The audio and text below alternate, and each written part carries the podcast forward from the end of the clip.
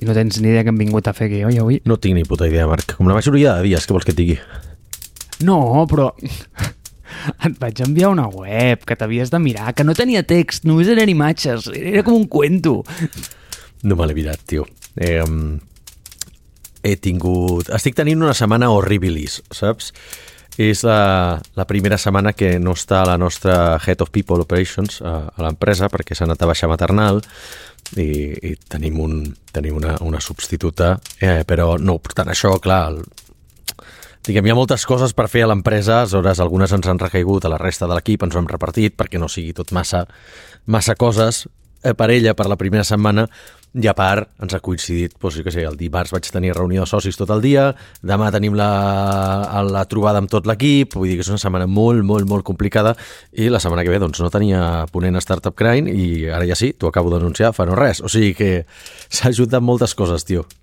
Ella és de carn i ossos?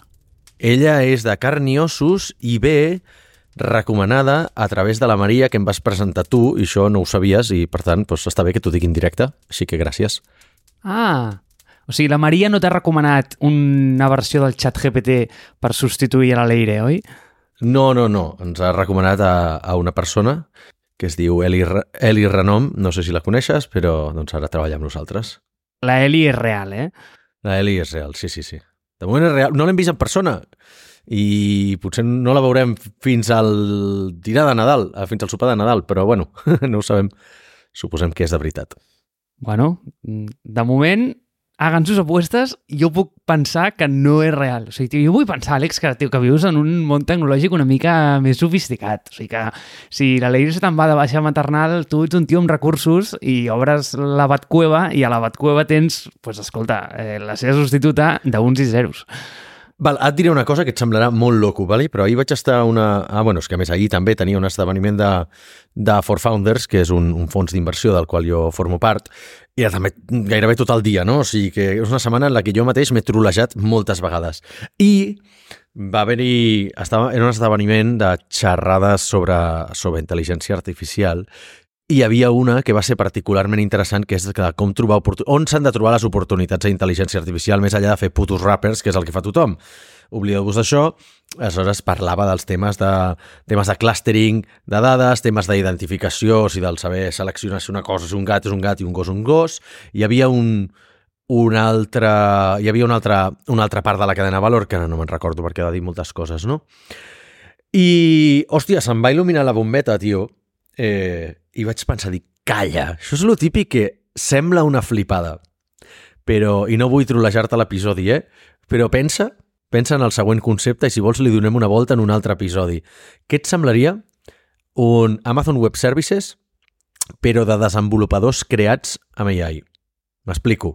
Aquesta persona ha creat un negoci que són eh, els, els VTubers, no? o sigui, els, els youtubers aquests que s'amaguen dintre d'un avatar per no donar la seva pròpia cara, però que tenen milions de seguidors, doncs, clar, aquesta persona diu, home, si són gent que no dona la cara i, per tant, no compromet la seva identitat, no són tan diferents, en essència, a una entitat fictícia generada per, per intel·ligència artificial que ben bé podria passar al test de Turing, no? I vaig pensar, dir, i amb això estan, han creat un negoci que els estan prou bé i dic, collons, dic, per què no podríem crear nosaltres un de desenvolupadors que són pues això, tipus AWS, no? Que tu dius, hòstia, ara necessito 15, foto 15, els deployo, i quan no, recullo cable i en, i en tinc un, saps? Vull dir, segons el budget que li vulgui dedicar, vaig sent. Em va semblar una flipada i vaig dir, i aleshores em vaig adonar que m'havia perdut mitja presentació, però ja, ja em passa a mi, que tinc molt daydreaming, saps? I, i, però vaig dir, dic, hòstia, com a idea és increïble, algú la desenvoluparà algun dia. No seré jo, ja t'ho dic. O sigui, com a idea és increïble, fa molta por també, és que tot fa molta por avui en dia. Inclús la història que et porto avui fa molta por. Però jo crec que és la mítica cosa que comença assistida amb humans, o sigui que sí que és cert que hi ha un punt de revisió humana i de validació de... Escolta, doncs jo deployo 15, però jo sé que cada 15 tinc un tio humà que està revisant una mica el codi i, correcte. i està una mica a sobre i fa una mica com d'editorial, diguem. Correcte, correcte. Fins aquí sí. Però que arriba un punt en què el moment en què fa clic el producte comença a funcionar per ell mateix és super difús. És a dir, ja no saps on està aquesta barrera. I arriba un dia en què l'humà ja no està allà treballant. I allò ja funciona per si sol. I potser tu no ho notes. Clar, aquesta és la...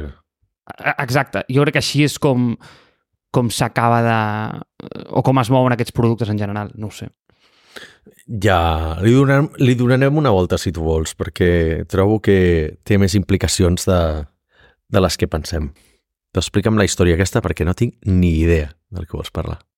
Bueno, és que en realitat ho has proposat tu. És que, com ja hem explicat moltes vegades, tenim una llista d'episodis de coses que volem fer i jo feia molt temps que havia posat una cosa. I jo crec que tenia com a l'Àlex encuriosit perquè no sabia el que era. Era com allò del, del e-commerce que tu vas posar i que jo no tenia molt clar exactament a què et referies i em feia gràcia perquè veia la llista i pensava de què collons voldrà parlar aquest tio? Doncs pues jo crec que aquesta, la de 1971, porten allà, no ho sé, porten allà mesos. Mig any, fàcilment. Sí, jo crec que la van posar a, princi a principis d'any. I tu l'estaves allà mirant i pensaves, tio, què collons és aquesta merda, no? Bueno, si és important, doncs ja ho diràs, saps? Però no ho deies i pensava, dic, bueno, vaig a buscar un episodi en el que jo no sàpiga, no sàpiga, no sàpiga del que va i no m'hagi de preparar res perquè no tinc, no tinc res de temps per preparar. Eh, M'havia preparat els d'Apple, tio, vull dir, tampoc eh, no fotem. Havia vist alguna cosa. M'havia preparat els d'Apple és sinònim de em vaig llegir un tuit de MacRumors, eh? No, un, un, un vídeo, un vídeo de 8 minuts. Mm, hòstia, cognitivament bastant demandant, eh? A veure, escolta, aquesta història és interessant. Val? No et preocupis que avui sí que he fet molta recerca. És que aquest tema m'agrada. Perquè és una història que té de tot. Té una mica d'economia, té una mica de cripto, sobretot és conspiranoica, això m'encanta. Però jo crec que sobretot, o sigui, representa com un punt d'inflexió en l'economia i és probablement Hòstia, em vaig a tirar a la piscina, eh, Àlex? Atenció, eh? L'esdeveniment més important, potser no, però més transcendent de la societat moderna. Ojo, eh? Fuertes declaracions, endavant. Molt fortes, eh, aquestes declaracions, molt fortes. I saps què és lo fort? Més fort encara és que no se'n parla gaire d'aquest tema. Això, quan et diu, quan algú et diu no se'n parla gaire, és la, la, com es diu això, el preludi a alguna teoria conspiranoica de cunyat. També t'ho dic, o sigui, vés en compte amb el que diràs. Perquè no se'n parla gaire, és com uh, coses, o sigui, mites urbans d'aquests de eh, els homes se suïciden més que les dones o per què no hi ha dones que siguin mendigos, saps? Vull dir que en realitat anem en compte amb el que diràs perquè Vale, vale. són territoris molt escabrosos. Vale, vale. És que és que és molt conspiranoica, eh? Però vinga, va, entrem, entrem. Perquè igual aquest és un nou format de foc a terra, eh? És molt narratiu, diguem, aquest. Perquè aquest l'he preparat una miqueta. A veure, Àlex, va. Digue'm, què recordes que va passar al 1971? Jo no recordo absolutament res per, perquè no vaig néixer, però després no sé tampoc què va passar eh, històricament. Dóna'm una miqueta de context, digue'm, a on? Saps? Vull dir, quin país? Va, als Estats Units. Què va passar l'any 1971 als Estats Units? Mm, segur, a veure, estic pensant... Alguna, alguna, jo estic pensant en alguna moguda relacionada... Hòstia, és que no ho sé, tio. Com el període de Guerra Freda, Kennedys, eh, alguna història per allà, saps? Vull dir... Anem bé, anem bé. Algú amb el presi president dels Estats Units, algun president dels Estats Units. Anem bé, anem molt bé, anem molt bé, anem molt bé. Però Val, abans de parlar del que val. realment és el tema, vaig a donar una mica el context, no? Perquè vaig... Eh, mítica cerca de ChatGPT. ChatGPT, què va passar rellevant als Estats Units al 1971? Doncs van passar diverses coses. Primer de tot, que l'Apolo 14 va aterrar a la Lluna. I aquests van ser el cinquè i sisè individus en caminar per la superfície, que no està mal. Perquè, perquè van caminar per la Lluna. Però hi ha molta gent que es pensa que només hem anat una vegada a la Lluna. Hi ha molta gent que es pensa que no, que no hi hem anat, saps? Hi ha gent... Sí, però no hem anat vàries, eh? Que ho sapigueu, eh? Val. no els compres. Val, val, val. val. Aquests són molt conspiranoics, però bueno, amb aquesta gent no, intento no parlar gaire. Llavors, val. m'encanta la conspiranoia, aquesta no la compro. val. Llavors, sí hem anat a la Lluna, vale? sí hem anat, i si no, recomano llegir-se la biografia de John Van Neumann, si plau, perquè, hosti, us farà canviar d'opinió. El fet que hi hagi gent tan intel·ligent en el planeta, o hagi gent tan intel·ligent en el planeta, et dona esperança de que és possible a la Lluna. Però, dit això, és igual. També passen altres coses, i veureu com tot això es va relacionant a poc a poc, eh? Saps qui va presentar el seu primer microprocessador Intel? No. Interessant, el 71. També es va enviar el primer correu electrònic. Poca broma. Interessant, també, eh? Interessant. I, més important encara, Disney va presentar el seu primer resort a Orlando, Florida. Vale, No, aquest és broma. Però també va passar al 71. vale. Bueno, d'alguna manera potser estan relacionats. Vull dir, sabem que la, la vida i les històries de Walt Disney tenen, tenen molts tentacles. Estan tots relacionats perquè acabarem parlant de Disney+. Plus. No, tampoc, no parlarem de Disney+, Plus, ¿vale? però veuràs com aquestes coses que t'he dit, carrera espacial, tecnologia, internet, acaben relacionant-se. El de Disney era broma, eh? Vull dir, estava allà perquè ho va posar, ho va posar ChatGPT i vaig pensar, mira, doncs el xaval fa bromes ara, ¿vale? ja està. Però sobretot va passar una cosa encara més interessant, que és el que anem a parlar avui, Àlex. Què va passar? I és que als Estats Units va acabar oficialment la convertibilitat de dòlar a or. És a dir, es va abolir el que es va decretar a Bretton Woods al 1944. I va passar un canvi flotant. Ara em diràs, què collons és tot plegat? Jo t'explico. Anem a fer una mica d'història, molt ràpida. Així, la història a vegades avorreix, però si la fas ràpida és divertida. Resulta que cap als anys 30 els Estats Units tenien dos terços de l'or mundial. T'hi cagues, eh? Déu-n'hi-do. Molt or.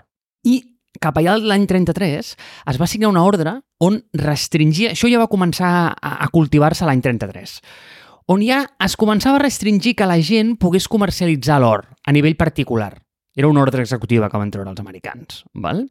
Però tot això va canviar d'una manera radical a l'any 44. L'any 44, Mar, és com el pinacle de la dominació americana, perquè bàsicament va ser en un ambient post-Segona Guerra Mundial i a Bretton Woods, un poble de New Hampshire, als Estats Units, es va firmar el pacte que va determinar tot el curs de l'economia del segle XX. Bàsicament, en allà es va dir una cosa molt ràpida. Es van posar allà 44 països i se'ls va dir, nois, a partir d'ara, el sistema de canvi fix s'estableix i totes les monedes queden lligades a l'or a través del dòlar.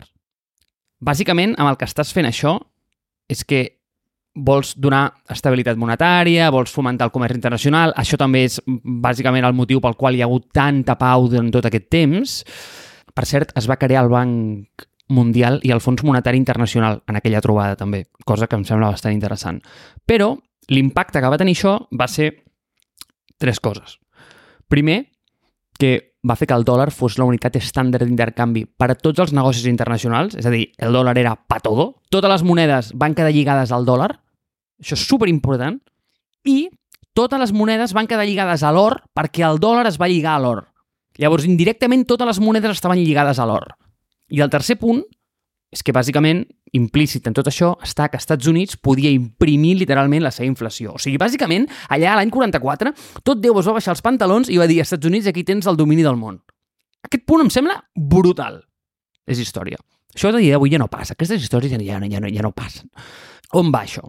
Això es va convertir com en una gran estafa, tio. Perquè tot plegat va funcionar fins als anys finals dels 60 o així, perquè, bueno, tio, tot anava bé, l'economia anava bé, tothom creixia, Europa sortia de la Segona Guerra Mundial, estava tot trillat, els Estats Units va ajudar molt per reconstruir, però quan el dòlar va començar a anar malament, tio, va haver-hi un dispendi militar brutal als Estats Units, curs espacial, eh, el 69 van a la Lluna, recordem. Què va passar? Que la Reserva Federal va començar a imprimir dòlars i va començar a rebaixar les reserves d'or per les quals tenia lligat a l'or. Llavors que el dòlar es va devaluar i tots aquests països que estaven lligats a la seva moneda indirectament a l'or a través del dòlar van dir no, no, no, no, anem a rescatar l'or. I clar, això va començar a saltar les alarmes del rotllo no hi ha tant or per mm, respaldar tot plegat. I què va fer Nixon a l'any 71? Doncs pues va dir que, tio, s'ha acabat. El dòlar, saps allò que vaig dir que estava enganxat a l'or? Doncs pues ja no ho està. Cosa que això també em sembla brutal. O sigui, tu com unilateralment com pots prendre aquestes decisions? O sigui, a mi em sembla com brutal, perquè aquestes coses ja no passen. Ja no hi ha decisions d'aquesta magnitud a dia d'avui. Mm, Si això passés, aquest tio estaria tio, a la puta presó. És igual. Diguem que va passar. I, I ara és on arribo al 1971. I arran d'això van començar a passar moltes coses. I aquí és on entra aquesta pàgina. No t'has mirat la pàgina, oi? No me l'he mirat. Vale. La pàgina en qüestió es diu What the fuck happened 1971, o sigui, és com què collons, per dir-ho una mica malament, va passar el 1971. La pàgina és extremadament conspiranoica. En resum, en aquesta pàgina què tens? En aquesta pàgina tens un munt de gràfics de coses com han anat evolucionant des de l'any 1971 fins a dia d'avui, per exemple.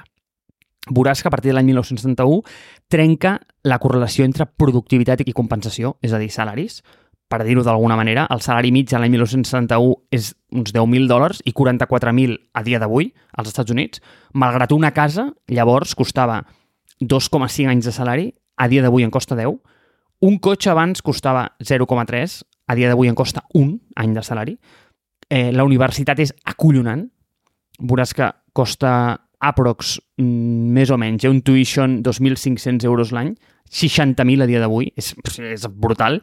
Malgrat això, ha pujat el menjar, la gasolina... I, i hi ha alguns que són acollonants, eh? O sigui, per exemple, número d'hores que necessites treballar per comprar una acció del, de l'SP500, deute és brutal, hi ha un que és número d'abogats, l'edat mitjana de casament també s'ha anat molt amunt. Hi ha l'increment també de, del, del sou de la gent negra, versus la blanca, que estava pujant molt, molt, molt, molt ràpid i l'any 71 deixa de pujar, saps? Eh, entre, d'altres, vull dir, n'hi ha molts. Correcte, és que és molt curiós, és molt curiós. És, és, és una pàgina super il·lustrativa, jo per això et deia, mira-te-la perquè és interessant. Està bé que te la miris en temps real també, gràcies. Aquesta pàgina, jo com la vaig descobrir? Fa molts anys, eh, bueno, no, tampoc fa tants, eh, no ens flipem, es va posar molt de moda a través dels criptobros, perquè que era com la seva bandera i la seva defensa de aquí ens han enganyat, el que necessitem és una moneda que sigui deflacionària per definició, bàsicament estaven apuntant al Bitcoin, on la seva quantitat de tokens ja estigui limitada, perquè mira què ha passat des de l'any 1971 quan ens vam carregar el patró or. Llavors, què té aquesta història? Aquesta història, per exemple, l'altre dia parlàvem de l'iPhone, parlàvem de la inflació, Dada interessant, abans que ningú ens salti i ens digui «Eh, tio, clar, és que això és per culpa de la inflació, ha, ha, evidentment que tot és més car». Sí i no. La inflació, ho vaig estar mirant, anualitzada cada any des de l'any 1971 és entre 2,5 i 2,8, depèn de quines mm, fonts agafis, perquè també hi ha algunes que agafen mundialment, altres que agafen només als Estats Units, però això, no? entre un 2,5 i un 2,8 any a any. No? I això té sentit. Al final, és aquest discurs de que si la inflació sempre fos zero o negativa, com que la productivitat puja, cada any les coses serien més barates i mai compraries aquesta tele perquè sabries que el mes que ve seria més barata i l'any que ve encara ho seria més, no? Per tant, no compraries les coses. Per tant, sempre com que s'intenta anar a buscar aquesta inflació que es diu del 2-3%, és el que busquen els bancs centrals una mica, perquè hi hagi aquest incentiu perquè la productivitat segueixi pujant, però la gent també doncs, estigui doncs, interessada en consumir i l'economia mm, vagi endavant. Malgrat això, primer, tu què en penses de tot plegat? Val? És conspiranoia o com havia de ser? També és veritat que abans hi havia uns temps més simples, potser, eh, no ho sé, mm, no sé si hi havia com tantes coses eh, a la batidora com a dia d'avui, però jo el que et volia dir, i torno el meu argument inicial, o les tres coses que van passar el 1971, i dic la cursa espaial, tecnologia, internet, per dir-te que la meva teoria és que a l'any 1971, o pels voltants, a part de que passés això, que també és veritat, i és cert que va marcar un canvi molt gran, perquè bàsicament abans un banc no podia imprimir monedes a doquier perquè estaven lligades a aquest, a aquest or, i ara pots exportar la teva inflació cap a fora a base de, bueno, doncs imprimir bitllets com un animal, no? Jo crec que abans, a, a, a banda d'això, el que ha passat, Àlex, és que a partir dels anys 70 s'ha començat a notar atenció que aquest episodi és filosòfic, eh? que l'exponent s'ha començat a notar mm, físicament al carrer. I quan dic l'exponent, vull dir l'exponent de creixement, evolutiu i tots els canvis que han anat portant totes aquestes innovacions tecnològiques. A què em refereixo? Sempre comentem aquesta idea de quants anys han de passar per portar un tio des del passat a dia d'avui perquè li agafi un atac de cor. no? i que cada cop aquesta distància es fa més curta. I cada dia aquesta distància, quasi, quasi, que si em portes el meu jo de 5 anys al futur, crec que em li, li donaria un atac de cor, jo crec. Però ara cada vegada s'està fent més curta i jo penso que des de l'any 1971 això es va començar a notar exponencialment els canvis. I el que em prefereixo és a que un exponent al principi sembla lineal, de fet, progressa més lentament que una linealitat, però en el moment en què es comença a inclinar la curva, a partir d'allà ja és imparable. I el que penso és el que està passant és exactament això. O sigui, que no és una conspiranoia, és simplement una conseqüència de la naturalesa de la nostra evolució. Joder, que maco m'ha quedat això últim. Jo crec que podríem tancar l'episodi aquí, Marc. Vull dir, déu nhi saps?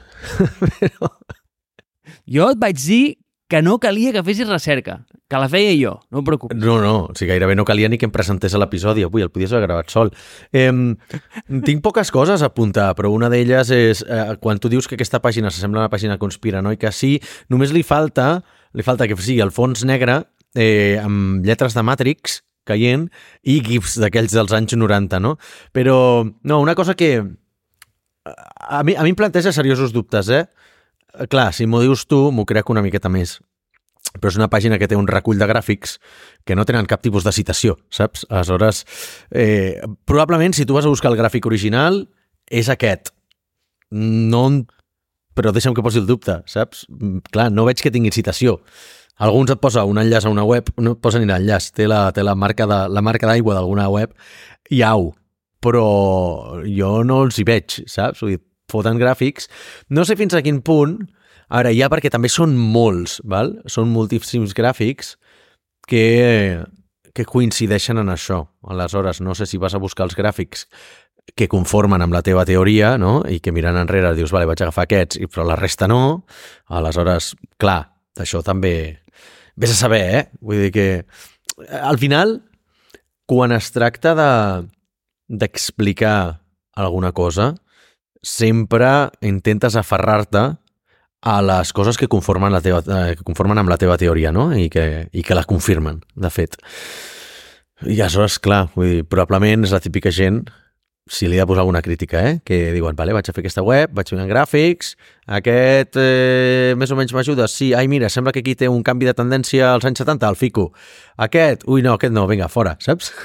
I aleshores, Bueno, home, la veritat és que n'hi ha molts. Vull dir, estem parlant que n'hi ha, què, una trentena. Vull dir, a veure, són uns quants, tots relacionats més o menys amb el que tu comentes, no? Amb temes de depreciació de monedes respecte, respecte a l'or, temes de eh, crisis bancàries, eh, pèrdua de poder adquisitiu, inflació, eh, inventari de vaques als Estats Units. És que hi ha alguns que són acollonants.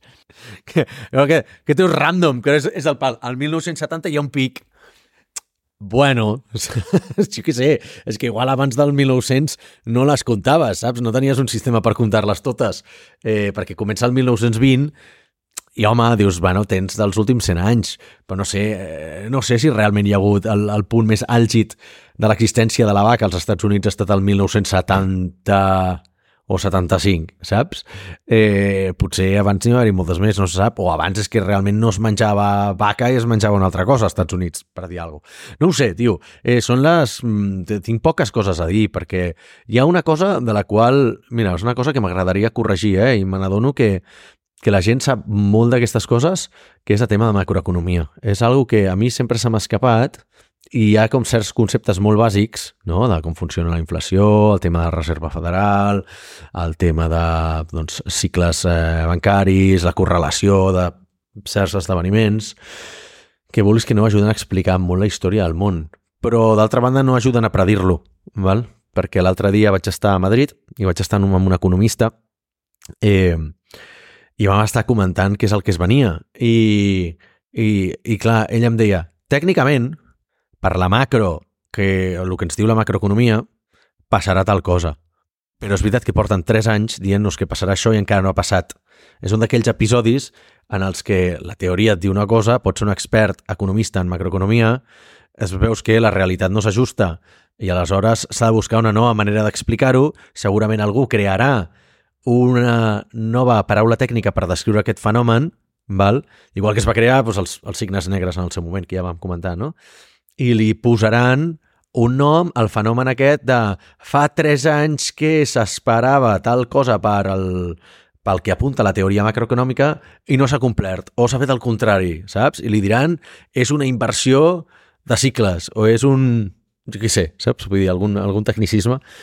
I ja està. Sí, al final també és el que diem sempre, qui, qui controla la narrativa és qui, qui, qui ha de, qui ha d'articular i qui fa servir tots els, els gràfics i els números que li, que li venen bé, no?, en aquest sentit, i, i qui, qui aconsegueix dominar-la també és que es converteix en un expert d'opinió però no sé, potser és el que passa amb aquesta pàgina.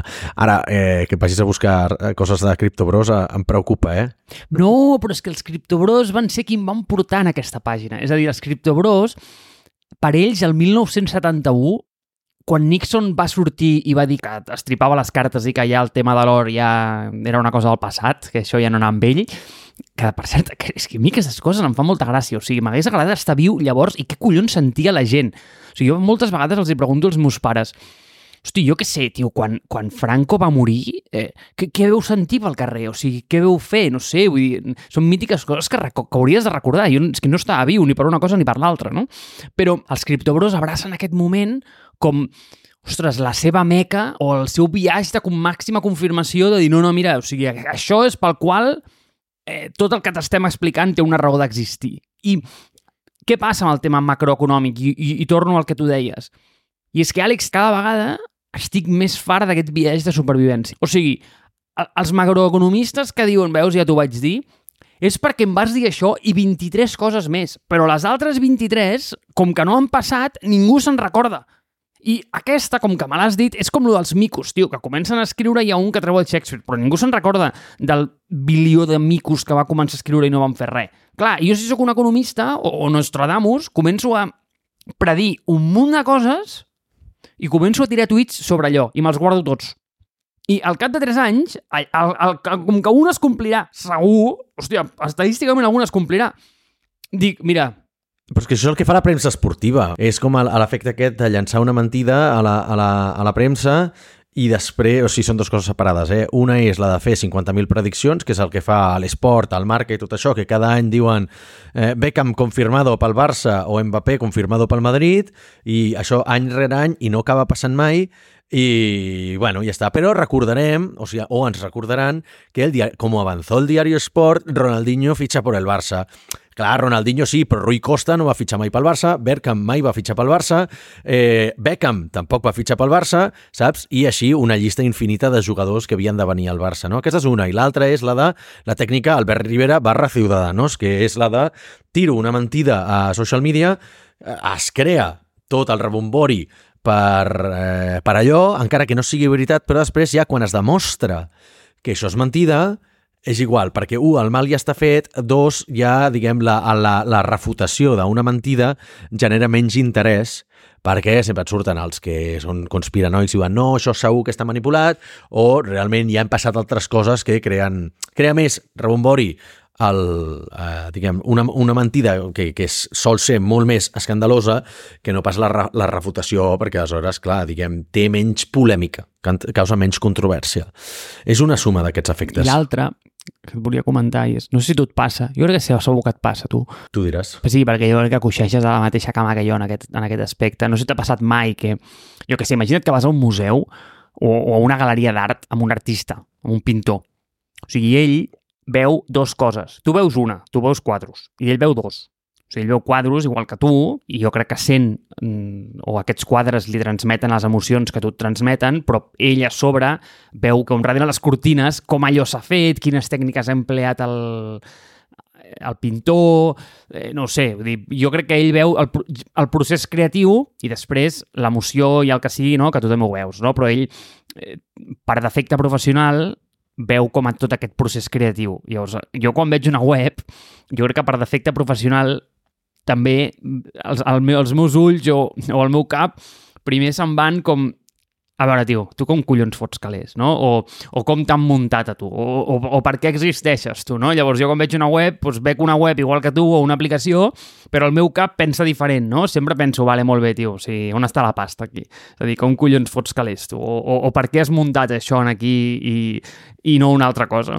I, tio, és que aquesta em fa molta gràcia. O sigui, a baix... Té un e-commerce. Hi ha, hi ha marx marxandatge. Hi ha un marxandatge que, Àlex, o sigui, el dia que vegi un tio amb aquesta sudera pel carrer, et juro que li fotré una abraçada a matxo que li diré, tio, sé d'on collons prat això? Venen coixins. Perquè aquell tio a part de que serà, segur que és un criptobro, bueno, o sigui, és un convers molt bèstia d'això, eh? I després, quan te'n vas a Discussions, és brutal perquè comença com a tots els enllaços de viatges de confirmació de criptobros, de vídeos de YouTube i merdes d'aquestes. Després, el suport a Our Research, i hi ha una donació de cripto que li pots donar a aquest tio. O sigui, m'encantaria traçar el seu wallet per veure quanta gent li ha enviat cripto en aquest paio. Fes-ho, tio. Tu pots fer, no? Sí, sí, si vols ho faig. Eh, I després hi ha un altre que és el de la newsletter, que m'ha donat por posar el meu mail allà perquè jo crec que directament es presenta la, la Policia Nacional a casa teva i crec que no em venia gaire de gust, així que... mm, El jutge Llarena. Sí, Eh, eh, bueno, confirma una miqueta el, la meva sospita que les úniques referències que hi ha a citacions de, de, de, de, la, de la recerca d'aquesta pàgina és a podcast a partir de dos, juliol de 2019. Val? Vull dir, perquè clar, tots aquells gràfics no tenen cap puta referència, en canvi vas al, al que poses tu, no? Recerca. I, i és Ah, són, bueno, referència a podcast. Potser és aquesta persona, potser és la persona d'aquesta web, eh? estic pensant, la que parla això. Però bueno, estic veient força, o sigui, podcast, eh, Zero Hedge, Peak Prosperity, Cointelegraph, vull dir, hòstia, déu nhi saps? What Bitcoin Did, vull dir que en realitat són podcasts de la mateixa corda, no sé fins a quin punt això és com un cercle, aquells, te'n recordes de quan hi havia les webs antigues, tio, que hi havia el círculo de webs amigues, saps? Eh, doncs que, que linkaves bàsicament les, les webs dels teus amics i estava per generar-vos una miqueta de, de tràfic, és exactament això. Vull dir que al final és eh, el que... El que en anglès es diu circle jerk i que no penso traduir al català perquè és molt barroer, però que si algú li interessa que s'ho busqui. Eh, sí que en realitat jo crec que aquí s'estan una miqueta eh, parlant entre ells i, i generant-se negoci entre ells. Eh, jo me'n recordo que una cosa que sempre m'ha marcat, que sempre dius, que és eh, has d'entendre els incentius de, de cada projecte, no? I és, quin és l'incentiu d'aquest projecte? Primer és eh, que els trobin, no? Discoverability, perquè, clar, si t'hi fixes, doncs ja tot, tot va molt enfocat, la pàgina web va molt enfocada que els trobin. O sigui, en realitat té un bon domini, té molta autoritat, té, té un bon rànquing a Google i és molt explicatiu què collons va passar a 1971. Entres a la web, hi ha poc contingut, però, clar, és, eh, és la típica pàgina que, igual, mm, potser perquè és que té molt tràfic i li han donat també la, la, la bola a través dels podcasts, a través d'haver sortit a, a newsletters i segurament surt a, a Wall Street Bets i altres subreddits d'aquests de criptobros, doncs que uh, té molt, molt tràfic, no? I que és la típica cosa que quan algú a Twitter posa eh, qualsevol cosa relacionada amb la Reserva Federal Americana surt el típic criptobro de merda i li contesta i li diu sí, doncs pues mira't aquesta web perquè aquí t'ho explica tot, obre els teus ulls, saps? Illuminati, lol, lol, lol, u, u, u, saps? Vull dir que això segurament és el que passa i, i aleshores entres a la web. Tens molt tràfic, deu tenir molt tràfic de social media. I quin incentiu té aquesta? El que dius tu, tio. Té, eh, una, té un e-commerce de merchandatge i té, el, té les donacions per la recerca. O sigui que pots, segurament pots al·lucinar amb les donacions que té a nivell de, a nivell de Bitcoin. Aquesta persona estaria guai, eh, si poguessis fer, tio. Si no, jo puc demanar-ho, jo no sé com fer-ho. Eh, no estic ficat, no tinc ni puta idea ni tan sols si tinc un wallet o no tinc un wallet de, de, de cripto. Crec que ja no, o no sé si l'he tingut mai. Però, però podria preguntar-ho a algú si és, si és molt senzill de mirar, que ho mirin i, i seria una bona cosa per compartir. O sigui, tu creus que aquí no hi ha res a rascar? Tu dius que això és tot conspiranoic? Perquè, a veure, sí que és cert que hi ha alguns on, a veure, apareix el source, no? I, i es nota que és una captura a pantalla com treta d'en allà, o sigui, no crec que el tio se- se'ls hagi inventat tots. A veure, jo vull pensar que és una mica conspiranoia, però, però sí que és cert que és allò que entre broma i broma la, la verdad asoma, no? I, I aquí, home, evidentment el, el de les vaques no te'l compro. de les bancs. Hosti, coses tan flagrants Algunes són molt flagrants. com el trencament entre la productivitat i la compensació O sigui, aquest em sembla extremadament objectiu. Saps, que, saps quina és la, la meva... A veure, la, la meva teoria... A veure, probablement tot això sigui veritat, val? li anem a donar el benefici del dubte. L'altre és, què més va passar aquest any, val? o en aquesta dècada, per permetre que tot... O sigui, probablement no és una sola cosa, sinó que és una suma de coses. O sigui, per què Nixon va dir allò, no? Si segurament tenia a veure, eh, doncs el que dèiem, encara potser inclús reconstrucció de, del món després de la Segona Guerra Mundial, anticipació de la Guerra Freda, segurament les relacions eh, comercials amb Cuba, eh, devia haver-hi moltes més coses a nivell macro que explicaven tot això, no? Eh, però també hi ha la part aquesta, del que et dic, del, del viatge aquest de dir, hòstia, hi ha gràfics que aquest m'interessa, aquest no m'interessa. Mira, hi ha un que realment es podria haver, es podria haver ficat. Què més va passar? O sigui, mira, el 1971 no, tio, però el 1970, vull dir, tu que saps programar, què passa el 1970? No sé què passa, Àlex, explica-m'ho, no estava viu tampoc. La data de Linux, saps? Linux 8 és la, la data, eh, comença allà, o sigui, tota la, la, la data dels, la, les dates del, del, a nivell de programació del, dels sistemes operatius basats en, en, en Unix eh, comencen al 1970, aleshores quan has de fer operacions sobre dates de tenir en compte això. Re, eh, vull dir, eh, potser és una altra cosa que és casualitat i et podia haver dit una altra podia haver tret alguna gràfica derivada d'això, dir, hòstia, doncs el número, segurament això també fa que hi hagi eh, certs desenvolupaments tecnològics i només es tingui en compte doncs, a partir del 1970. Es podia haver tret una data així, o una, una gràfica, i dir, mira, el 1970 va passar això, saps? Però el 1970 va ser una data arbitrària, vull dir que aquesta es va agafar com una data arbitrària. Val? Eh, alguns d'aquests gràfics potser també va haver-hi un a alguna cosa que va ser casualitat, que justament doncs, va ser el 1970. Per dir alguna cosa, eh? vull dir, potser el 1970 va coincidir amb que McDonald's va ser l'any que ho va patar i van crear les macrofàbriques de vaques, per dir alguna cosa, no?, als Estats Units, i això no s'explica aquí, però sí que explica la gràfica de per què hi ha més, eh, més vaques, eh, més producció, pro, producció de vaques, saps? Com si sortissin d'una fàbrica. Però ja m'entens, als Estats Units, no? Sí, falta com el gràfic explicació. És per, aquest gràfic, ok, però en context, eh, d'on surt la, eh, quina, quina és la causa d'aquest gràfic, no? Aleshores, per això et dic, si tinguéssim la citació, els, els, els papers i tot això tindria bastant més de sentit, però si no, que et posi un gràfic de, mira, aquest any hi havia moltes vaques als Estats Units, ah, ja ha coincidit aquí, però igual, eh, no ho sé, tio, és l'any que va haver-hi menys gossos a, a, a les llars dels Estats Units. Mm, què t'ajuda a explicar això? En què està basat? Té sentit o no? Mm, potser també va ser l'any que més... No sé, va ser l'any que va haver-hi menys accidents d'avió, per dir alguna cosa, i no el posen, però si hagués, si hagués hagut molts accidents d'avió, que has estat un any rècord amb accidents d'avió, te'l posarien aquí, no? perquè causa polèmica. Ah, no ho sé, tio, si cada cop eh, que li dono més voltes m'està semblant més conspiranoic, però a tu t'agraden aquestes coses, tio. És que a veure, a veure, jo quan veig aquestes merdes, a veure, o sigui, el meu cap, el primer que pensa és el següent, és Marc, no confonguis correlació amb causalitat no té res a veure, val? perquè la lliçó, la teoria me la sé. Però què passa? Que la teoria no m'acaba d'agradar. Llavors jo el que vull és conspiranoia. Val? Llavors, què passa? Que jo necessito un host, o sigui, tu, que li foti foc, saps? Però és que, és que no, perquè tu també em surts amb els rotllets mmm, del llibre, que jo també em sé, llavors és que no m'agrada. Jo necessito un host que, que em digui que això, que tots estan a la merda, que això és una teoria conspiranoica a nivell mundial i que Donald Trump està en una espècie de búnquer secret amb Hitler, que realment està viu, i estan conspirant per veure què passarà en el món en els pròxims anys, tio. Mira, la meva teoria és que, ah, sí, el món s'està anant tota la merda, però no per totes aquestes coses, però per... saps per què no m'agraden les teories conspiracionistes? És perquè eh, suposen que els humans són molt més intel·ligents, o que hi ha un superset d'humans molt, molt, molt intel·ligents, molt influents i molt poderosos, que són la gent que controlen tot el món. Aleshores, això eh, té certes implicacions.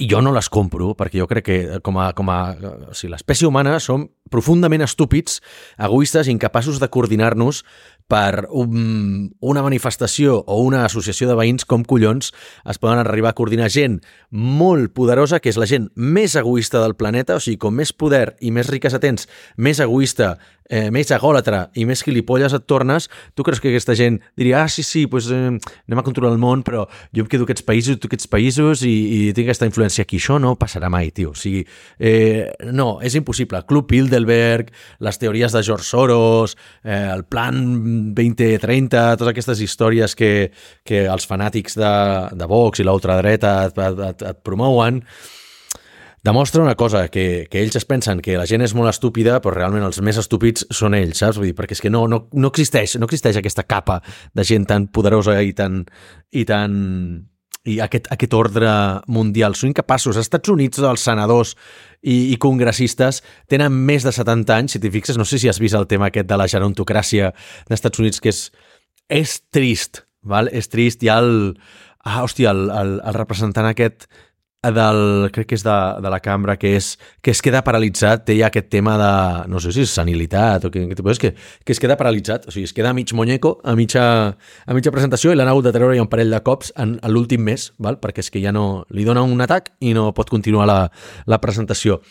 I hi havia un gràfic que vaig veure ahir, que és que l'edat dels congressistes dels Estats Units de més, o sigui, perdona, el percentatge de gent que està al Congrés de més de 70 anys als Estats Units Ara són més del 70 o del 80% i no fa ni 15 anys no era ni el 20, saps? O sigui, quines teories conspiranoiques eh, sortiran d'aquí? Quines venen es poden explicar a través dels gràfics aquests? Segur que moltes d'aquestes, perquè tu dius, és que clar, aquesta gent al 1970, bueno, crec que no estaven encara... Bueno, al 1970, clar que fa 50 anys. Fa 50 anys tenien 20 anys, per tant, podien estar en el fregat aquest, saps? Vull dir, potser va ser la gent que va crear... Si anéssim a donar una volta de torca més encara al, a, la, a la teoria conspiranoica aquesta, diries, clar, aquesta gent ho va crear al 1971 i encara estan al poder, i per això encara estan allà, perquè, però, ostres, tenim un problema quan la palmin aquest si fos així, tio, o sigui, tens 50 anys per fer un pla de successió, tens 50 anys per adoctrinar la gent, saps, per deixar-ho tot lligat, atadito i bien, no? i bien atadito, no? com va dir Franco, doncs, eh, doncs bueno, segurament es podia fer el mateix als Estats Units. Per tant, teories conspiranoiques, en aquest cas les justes. Eh, Pregunta-li Joe Rogan, Andrew Tate o, o Jordi Wild o altres eh, imbècils de referència del món del podcasting perquè per, per, per, per, diguem, per, per regar a l'audiència amb desinformació, no sé, ja hi ha suficient, ja hi ha suficient gent allà fora. Sí, estic d'acord. És que crec que estem estirant una mica massa aquesta idea de es va morir jove. És a dir, a dia d'avui, quan tens 80 anys, t'has mort jove, saps? Jo ho he sentit això, eh? Recentment, ho comentava amb la meva parella l'altre dia, que algú van dir a algú, o sigui, vaig sentir una conversa d'algú, i no, hòstia, és que, mira, tenia 82, 83 anys, hòstia, doncs encara era jove, dius. A veure, eh, no estirem tant el xiclet, eh, el, de la joventut. Vull dir, el carnet jove, si s'acaba eh, als 30 anys o 35, ja no sé en quan s'acaba, mm, no sé, no cal estirar que el carnet del Club Super 3 te'l te donin fins, a, fins que et jubilis. Clar, és que, tio, fixa't, és que, mira, Tu saps què va passar l'any 27 o no? Va, el 27. Vinga, va, no? A on? Tornem-hi. Vull dir que sé, el, el 27 a Myanmar no sé què va passar a Algèria, el 27. És igual, Àlex, és igual. L'any 27 passaven tan poques coses que només que en passés una ja era mundialment coneguda. No sé què és això. Doncs pues va haver-hi el cinquè Congrés Solvay, d'acord, de l'any 27. Val. No saps què és això, tio? És el que va posar la primera pedra a la teoria quàntica. Vale. Que, a veure, tio, escolta, doncs en allà, vale, hi havia com una sèrie de físics. No, no, no, no, no. Sí, home, és aquell quadre tan famós on estan tots els físics i no és el de l'alt de la viga eh, que s'estan menjant l'esmorzar, eh? No, això és de l'Empire State, encara que seria divertit que fos així, però és semblant al quadre, val? Pues en allà estava la Floyd nen, Planck, Einstein, Bohr, Heisenberg, Schrödinger, tots en allà, tots en allà, eh, sentadets, fent-se una foto. Pues en allà què passava? Que hi havia com dues generacions de científics, ¿vale? per lo general els joves eren Pauli, Heisenberg, aquests se les donaven com de trencadors i tal, com dels disruptius. Llavors estaven els viejunis, no? Com per exemple Einstein, que ja era un tio que, que ja havia mm, trallat tot el tema de la quàntica, però era com un aportador més senior, com si diguéssim. Però hi havia un paio que era Schrödinger, que era com el, el nuevo venido, que va crear com l'equació que descriu com progressa la, la funció d'onda, que és molt interessant. Però això ho va publicar quan tenia 38 anys i el tio no se'l creien perquè era vell. Deien que era vell, amb 38 pals, tio. A dia d'avui, 38 anys, tio, encara estàs vivint a casa la mare, tio. Realment, mirant el tema de, el tema de les conspiranoies, pots, pots allargar tant el xiclet perquè sempre, sempre surt un nou esdeveniment que ajuda a explicar, no? que el pots afegir a tergiversant una miqueta el punt de vista. Ara que va haver-hi, bueno, que que ho vam comentar en un d'aquests episodis, que ara com que fa poc va ser el 11 de setembre, cada any per l'11 de setembre surt, doncs això, la gent que, hòstia, doncs el Never Forget, eh, eh, l'homenatge a les víctimes, tal, tal, tal, però Twitter i, i els Reddits i subreddits van plens de hòstia, s'ha descobert, ha sortit una nova investigació que va dir que l'explosió de no sé què, o les històries aquelles que vam comentar de eh, una persona que feia 20 anys que mai faltava la feina, algú el va trucar aquell dia que no anés a la feina i no hi va anar i gràcies a això està viu, no? Ja és confirmació, saps? Vull dir, si haguessis anat a la feina, doncs no hauries explicat eh, aquesta història, no? Si veiem un... El que deia... Mira, això ho deia molt bé, tio, Johan Cruyff, saps? Un golondrino no hace primavera.